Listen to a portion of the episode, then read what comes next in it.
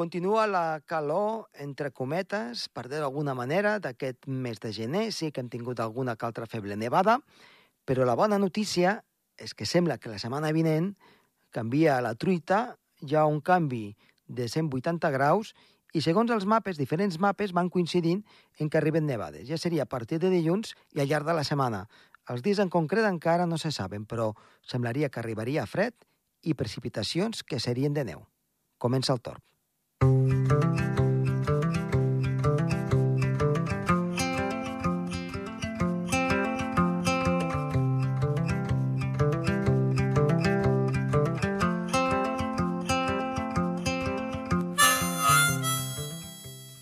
En el programa d'avui parlarem amb Gerard Tauler i compararem una mica la onada d'aire fred que hi ha hagut ara fa unes setmanes a la zona dels Estats Units i Canadà respecte a la calor que hem tingut aquí a Europa. I Marc Gasó ens portarà una mica de temps, en aquest cas, el temps que fa a les ciutats. Parlarem de la illa de calor urbana. Som-hi!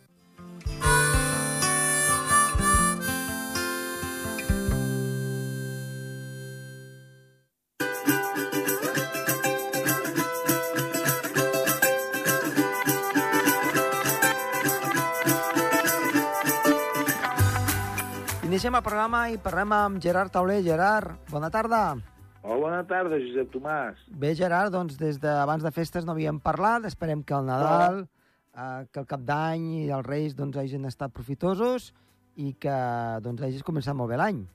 Sí, sí, ho he començat, sí. Perfecte, perfecte. Escolta'm, han passat força coses i avui eh, ens volies parlar una mica de la calorada que hem tingut durant aquest període justament doncs, de Nadal i, i la relació amb l'onada de fred doncs, de, dels Estats Units, que amb la borrasca Elliot, que déu nhi les víctimes mortals que doncs, va provocar i el fred extrem que van tenir el Canadà, però sobretot també als Estats Units. Sí, sí, sí. Quina això relació? Té relació amb un canvi, això té relació amb el canvi climàtic, com hi ha menys contrast entre el pol nord i, i l'equador, es debilita la, la corrent en jet, i ja es, es troba més meandriforme.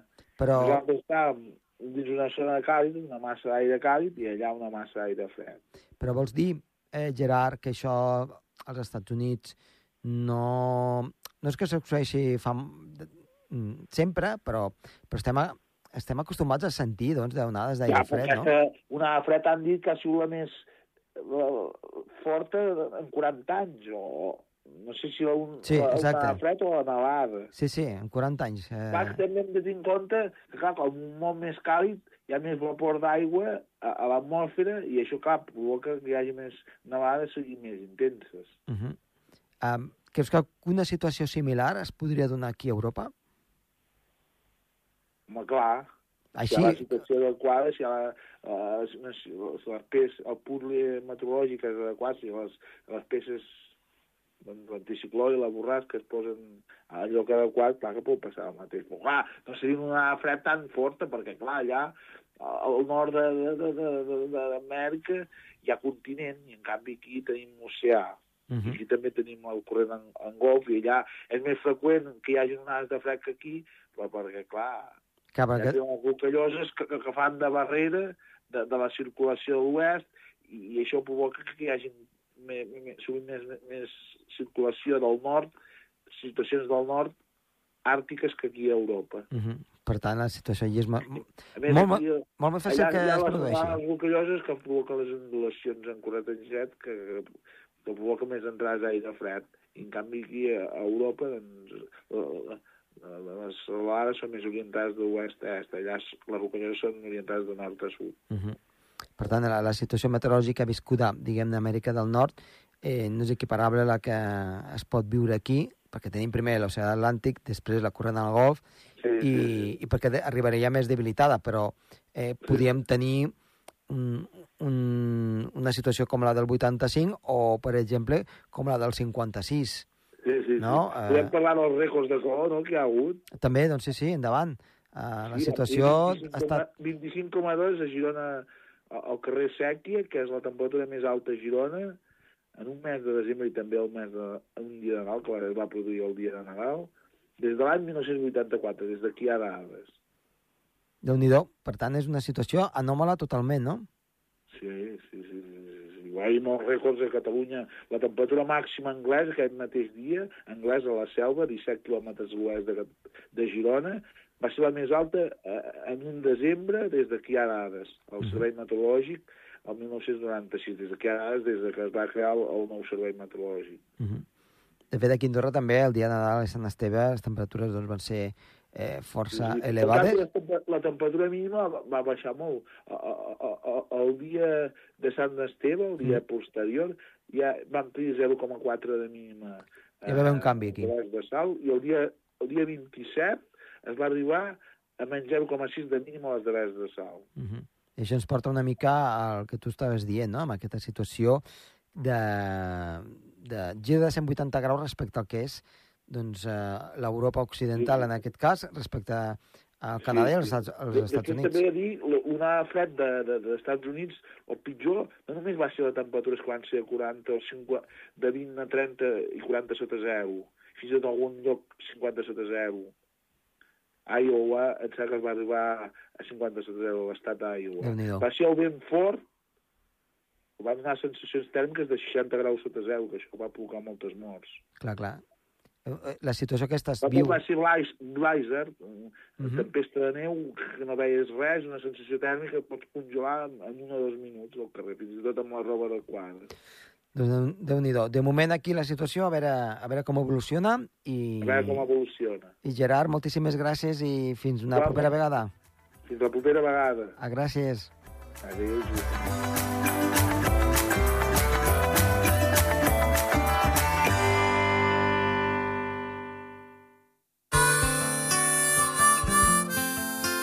El Torb, amb Josep Tomàs.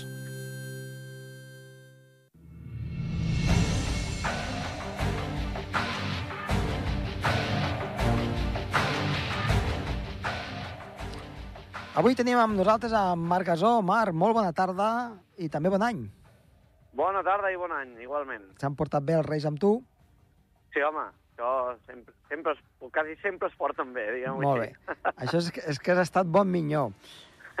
Escolta, eh, no sé si el tema que, del que ens parles avui és de bons minyons o de mals minyons, però sí que és un tema que ens afecta a, a les zones urbanes, sobretot aquelles zones urbanes on, on hi ha molta població. Avui ens parlaràs una mica de l'illa de calor, l'efecte doncs, a, aquest que hi ha a moltes ciutats. Sí, sí, sí, de fet, uh, és un fenomen que es podria entendre a les grans ciutats, bueno, de fet és on passa més, però val a dir que no només és a les grans ciutats. Per tant, l'illa de calor urbana, uh, el mateix, bueno, la mateixa paraula ho diu, Sí. afecta a totes les grans, uh, els nuclis urbans o els grans nuclis de població. És a dir, uh, una ciutat com Andorra la Vella també té la seva pròpia illa de calor. Mm -hmm. T'ho puc Per assegurar tant, no que fa sí. falta, que sí no que fa falta anar, no fa falta anar a Barcelona, Girona o Lleida per trobar eh, aquest fenomen de l'illa de calor, sinó que a ple Pirineu, encara que sembli mentida, doncs aquests fenòmens també es produeixen. I aleshores, um, com la podríem definir? Com sabem que estem en una illa de calor? Doncs mira, la, la illa de calor és aquell fenomen que fa que el, el centre de la ciutat, o el centre de la població, o el nucli urbà, sigui més càlid que tota la perifèria. Uh -huh. Per què és més càlid? Doncs perquè té una major quantitat de ciment, una major quantitat de superfície artificial, que fa que absorbeixi més la radiació diurna i durant la nit, la irradiació nocturna, di- diguéssim, que es diu, doncs aquesta sigui menor. Per tant, la calor que s'acumula durant el dia es, guar es guarda, es reté, Uh -huh. i fa com d'iglú, diguéssim. I fa que durant la nit no deixi refredar tant la superfície com la, els voltants d'aquest nucli de població. Mm. Perquè... I com dèiem, això passa més, clar, com més gran és la ciutat, Sí? Doncs aquesta illa de calor mm, major és i més gran és la diferència entre la ciutat i les afores. Uh -huh. O el poble i les afores, perquè, per exemple, jo, jo visc a Llagostera i am- som 8.000 habitants. I amb 8.000 habitants et puc assegurar que vaig fer el, el treball de màster i vaig trobar fins a 3-4 graus de diferència entre el, el centre del poble i al mig d'un camp, a les afores del poble. O sigui, va, vas fer trans, Sí, ja. transectes, fes transectes, sí, no? correcte, correcte. El mateix que us explica en Gerard, en Gerard Tauler a Sí. vegades de Girona, Uh -huh. doncs això es pot aplicar a Andorra la Vella totalment, Sí, jo- o jo puc- a la Massana o a Sant Julià. T'ho puc assegurar que aquí- també he fet algun transecte, eh? entre Escaldes, Mhm. Andorra la Vella, Sí, fins a arribar doncs, aquí als estudis de, de Ràdio Nacional d'Andorra, i, Ahà. i a vegades el que tu dius, eh? el canvi de temperatura eh, és força acusat, sobretot si estàs a prop d'un riu, eh? Hi ha com un canal d'aire fred que aïlla de la resta, però doncs, els canvis de temperatura són molt i molt importants. Sí, el que passa, de fet, que els rius, clar, els rius eh, fan el fenomen contrari a l'illa de calor. És a dir, l'illa de calor, com dèiem, és eh, aquest nucli eh, més càlid del centre de la població i el que fa el riu és tot el contrari, és a dir, canalitza l'aire fred. Sí, Agafa la- l'aire fred de, de les valls de cotes més altes, com pot ser les valls del Valira, uh -huh. i les canalitza cap al fons de les valls eh, inferiors de en direcció Andorra la Vella, Santa Coloma i Sant Julià. Mira, eh, I, Una- una petita clar, anècdota. Es troben amb l'illa de calor i llavors és el que dius tu, el riu encara fa molt més fred i en Mhm. canvi el centre d'Andorra, clar, potser estem parlant que jo ara mateix que em conegui així pujant a Andorra moltes vegades m'ha passat. Uh, a la zona de la Margineda, que és més... Uh, hi ha menys vegetació i és una zona més de camps i tal, allà a la rodona que hi ha del principi de la Margineda, Sí. a vegades trobar dos o tres graus menys que a Andorra la Vella en situacions d'anticicló. sí, és una zona molt enclotada, inversió tèrmica... Sí, sí, Correcte. Et volia- et volia explicar una petita anècdota d'aquí, de, de, del país, i és que eh, una vegada vaig fer una prova amb, un- a un petit riarol de, de muntanya i que estava doncs, en- encaixat, i un dia d'estiu, eh? No hi tocava el sol en aquella zona. I entre el que és el que deies tu, eh? aquest petit corrent que portava el riuet i una zona eh, on, on hi havia pedra, però no hi tocava el sol, per tant no estava influenciat per, per, per uh, diguem-ne, pel sol directament, hi havia 18 graus de diferència. O sigui, una, una, Sí, sí. una bestialitat. No, no, imagina't. I val a dir una cosa, eh, també, que no hem dit. El fenomen aquest de l'illa de calor es produeix en situacions anticiclòniques, eh? D'acord. Si, si, hi ha, si hi ha borrasques o hi ha canvis de temps, doncs el mateix aire, el mateix vent en superfície, fa que les masses d'aire es barregin Mhm. i aquest fenomen de l'i- d'illa de calor s'acostuma a dissipar bastant. D'acord. Però, clar, la, la calor latent que té el ciment, l'asfalt, etc, això, eh, malgrat hi hagi un canvi de temps, això continua ir- irradiant. A la mínima que el, pen, el vent s'encalma, torna a pujar la temperatura en aquests jocs, suposo. Sí, sí, sí, exactament. O sigui, canvi de temps em, em referia a això, que hi ha una, barre, eh, una contínua Sí, sí, renovació de masses d'aire i no, fa, eh, no permet que la massa d'aire s'assenti sobre la superfície on es troba. Per Mhm. tant, eh, clar, si, si ve un front, doncs entenem que sempre està bufant vent i aquest mateix vent doncs, fa que, que la massa d'aire es vagi renovant tot el rato i per això no, no s'acumula tant la calor dintre els nuclis urbans. I després hi ha un altre factor molt important, també, Uh -huh. que és uh, l'Sky View Factor.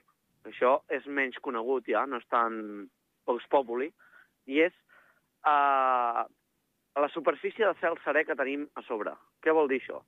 Clar, per exemple, els nuclis urbans no només uh, tenen l'asfalt, sinó que després tenen els edificis que tapen la superfície de cel que tens a sobre. Llavors, Mm. això també fa illa de calor. O sigui, no és només l'asfalt i la superfície més càlida, sinó que els edificis també limiten eh, aquest escapament de la calor nocturna, podríem dir. Clar, eh, fa com una mica de cúpula, encara que des de dalt. Correcte. Sí, sí, és com Eh. la cúpula... Mira, de fet, el màster el el Javier Martín Vide li deia així, en castellà diu la cúpula del calor. Uh -huh. Sí, sí. És aquest, eh, per exemple, moltes vegades, eh, si es va amb l'AVE a Madrid, es veu aquell, aquella espècie de núvol que és contaminació, però sí. seria una mica aquesta estructura, no?, de... de... Sí, però més que la contaminació és la, la superfície que Mhm. tu tens a sobre, diguéssim, que et permet es, deixar escapar l'aire calent. Ja. Clar, si, si tu tens un... Eh, això és com si agafes un camp de futbol i el, el deixes obert, sense grades, i de cop i volta el vas tancant. Què passa? Els camps de futbol més tancats sempre acostumarà a fer més calor que els camps de futbol que són més oberts i això és bàsicament per, per la superfície de cel que permets que s'escapi l'aire Uh -huh. més càlid cap a dalt. D'acord, d'acord. Per tant, Sí, sí. la Clar, situació... la suma, la suma de la superfície artificial, del ciment, dels totxos de les cases, més uh, com aquesta cúpula que fan els edificis, doncs això fa que sempre, per exemple, a l'Avinguda Carlemany fins i tot podem Mhm. arribar a tenir 3-4 graus eh, més que a dalt de tot d'Escaldes o, o a baix de tot de Santa Coloma. Clar, a Carlemany i també Meritxell, eh, el, que, el que dius d'efecte cúpula és eh, absol Sí, sí. absolutament cert. El carrer és estret sí, sí, sí. i els edificis, a veure, Sí, sí. moderadament alts, però sí Sí. que eh, la sensació doncs, és que es, estàs cobert, no?, pràcticament. Exacte, exacte. Sí, sí, com, com més cobert estàs, Uh -huh. menys, menys, menys possibilitat tens de que s'es- s'escapi aquesta calor diurna i, per tant, doncs, la illa de calor uh, s'incrementa. Sí, sí. I aquí a Barcelona passa el mateix també amb els barris més estrets, tipus el barri de Gràcia, l'Eixample, Sí. que són barris molt compactes, amb molta Mhm. massificació de població, amb edificis molt junts un al costat de l'altre i amb moltes plantes, i fa que, per això, el nucli de, de l'illa de calor, a part de que estem fora del, dels dos rius, doncs també sigui a la part central, diguéssim, de la ciutat. Per tant, la calor es manté molt més que en altres zones. Ah, exacte, exacte. Sí, sí. Quina és la situació que podíem... Eh, de quina manera podríem mitigar aquesta illa de calor, diguem-ne? Qui- Quina és la solució? Per, per... Doncs... A veure, sí. a l'hivern ja va bé, eh, potser, eh, perquè dius, mira, doncs no, gastes menys calefacció, no fa tan fred, però clar, Clar, a l'estiu... en el, en el cas d'Andorra, val a dir que fins i tot us va bé, exacte, l'illa de calor. Mhm. perquè bueno, esteu en una zona on el clima és força extrem, sobretot a l'hivern, i doncs aquesta illa de calor quasi que l'agraïu. Però clar, aquí les grans ciutats de la costa i el prelitoral, el prelitoral i a l'interior sobretot, com per exemple a Lleida, eh, que tenen aquestes temperatures tan extremes a l'estiu i a la nit els hi costa baixar tant de 25 graus, doncs en aquests sectors és, és on sí que l'illa de calor s'ha de reduir de, de totes totes. Llavors el que es fa és, primer de tot, clar, treure edificis no els pots treure, perquè Mm. ja estan construïts i, eh, i en allà hi viu gent. Per tant, s'opta per les superfícies que són eh, artificials, encimentades, pavimentades, doncs començar a canviar-les per superfícies més verdes. D'aquesta manera incrementes la, el percentatge de sol natural i fas que la, aquesta radiació s'escapi més, no retingui tant eh, la calor diurna i, per tant, pugui refredar almenys, que no serveix de molt, però almenys aquella zona on estàs posant la superfície verda, doncs, encara que sigui aquell barri o aquell xamfrà, ja sigui una mica més fresc que tota la resta. Bé, dius que no sabes de molt, però jo, jo he arribat a veure eh, fotografies amb gent que feia transectes, amb zones eh, amb passeig que hi ha arbres o sense arbres, i la temperatura eh, hi havia una variació de fins a 8 graus. O sigui, si tenim, per exemple, sí, sí, o sigui, 32 quan dic que- graus amb 80% d'humitat, eh, clar, passes a, a una temperatura molt més confortable. Sí, o sigui, quan, quan dic que no serveix de gaire, dic a nivell global de, de la ciutat o, del, o de la, del nucli poblacional on estiguem, diguéssim. Que la, la solució seria, clar, eh, treure els edificis i posar parcs, com tenen les grans ciutats europees, que tenen parcs quilomètrics. Eh, el que passa que, clar, aquí a Catalunya i a Espanya no tenim tant territori com per poder fer aquestes coses com fan als Estats Units o al nord d'Europa. Uh -huh.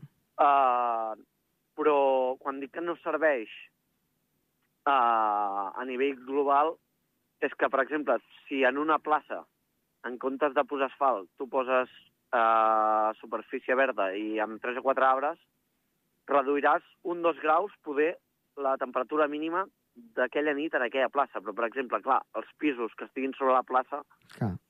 Uh, poc ho notaran, i si, i si ja, no, ja, ja no això, sinó que te'n vas al carrer del darrere, mm, pràcticament no es notarà res. Ja, ja. Vull dir que aquí s'hauria de fer ja un pla urbanístic directament de eh, tota la ciutat, de tot el nucli poblacional, encarat més a superfícies verdes en general a tota la població i no només a certs espais, Uh -huh. que és el que s'està intentant fer a Barcelona, però vaja, ja veurem quins resultats dona, perquè de moment ja es pot apreciar amb dades climàtiques que poc resultat està donant tot això que s'està fent de les superilles i tot això. Clar, això suposo, ja per acabar, que, que el que hauríem de fer és, és eh, una ciutat que s'està creant de nou. Exacte, Eh? exacte. Ara, sí, sí. ara em ve al cap Millor, de, millor definit impossible. eh, que, que, que, que no, és el, no, no és el cas, no? però Aràbia Saudita saps que s'està fent la, la ciutat lineal, aquesta que tindrà 700 quilòmetres de llargada, i que, evidentment, complirà amb tots els requisits bioclimàtics eh, que hi ha al món i, i amb, amb una situació eh, que serà autosuficient i sostenible eh, en aquest aspecte. I, clar, amb, amb la calor que hi fa allí, és evident que una de les solucions és eh, evitar que hi hagi illa de calor. Sí, sí, Eh, sí. això està Sí, claríssim. de fet, de fet, és una bona solució. El problema és ja el gasto d'aigua que faran, que això ja no sé com ho gestionaran, però bueno, uh, sí, sens dubte que la solució passa per aquí, de uh, treure edificis o... No treure edificis, sinó més que els edificis que estan molt vells o abandonats, o no hi viu ningú, o són del banc, doncs aquests sí que es podrien treure Mm. i començar a implementar, a posar parcs, zones verdes I les i zones, de més. les, les zones verdes de, de, dels, de, de dalt de tot, de, els edificis ficar zones verdes, doncs, per exemple, a les Per terrasses. exemple, per Això exemple. seria una bona sí, solució. Sí, sí, sí, això, Eh? això seria una molt bona solució. Ara, clar, hauries de parlar amb, amb els propietaris de cada bloc de pisos o de cada àtic i a veure si estan d'acord amb Estan fer-ho. d'acord, Però, no? Mentre, però jo bueno, crec que, mentre, mentre els hi paguin, jo crec que estaria tothom d'acord. Eh? sí, això segur, Eh? això segur. Sí, sí, sí. Doncs, Marc, eh, moltíssimes gràcies avui per aquesta explicació i t'esperem una propera vegada. Molt bé, de res, un plaer. Adéu-siau. Adéu.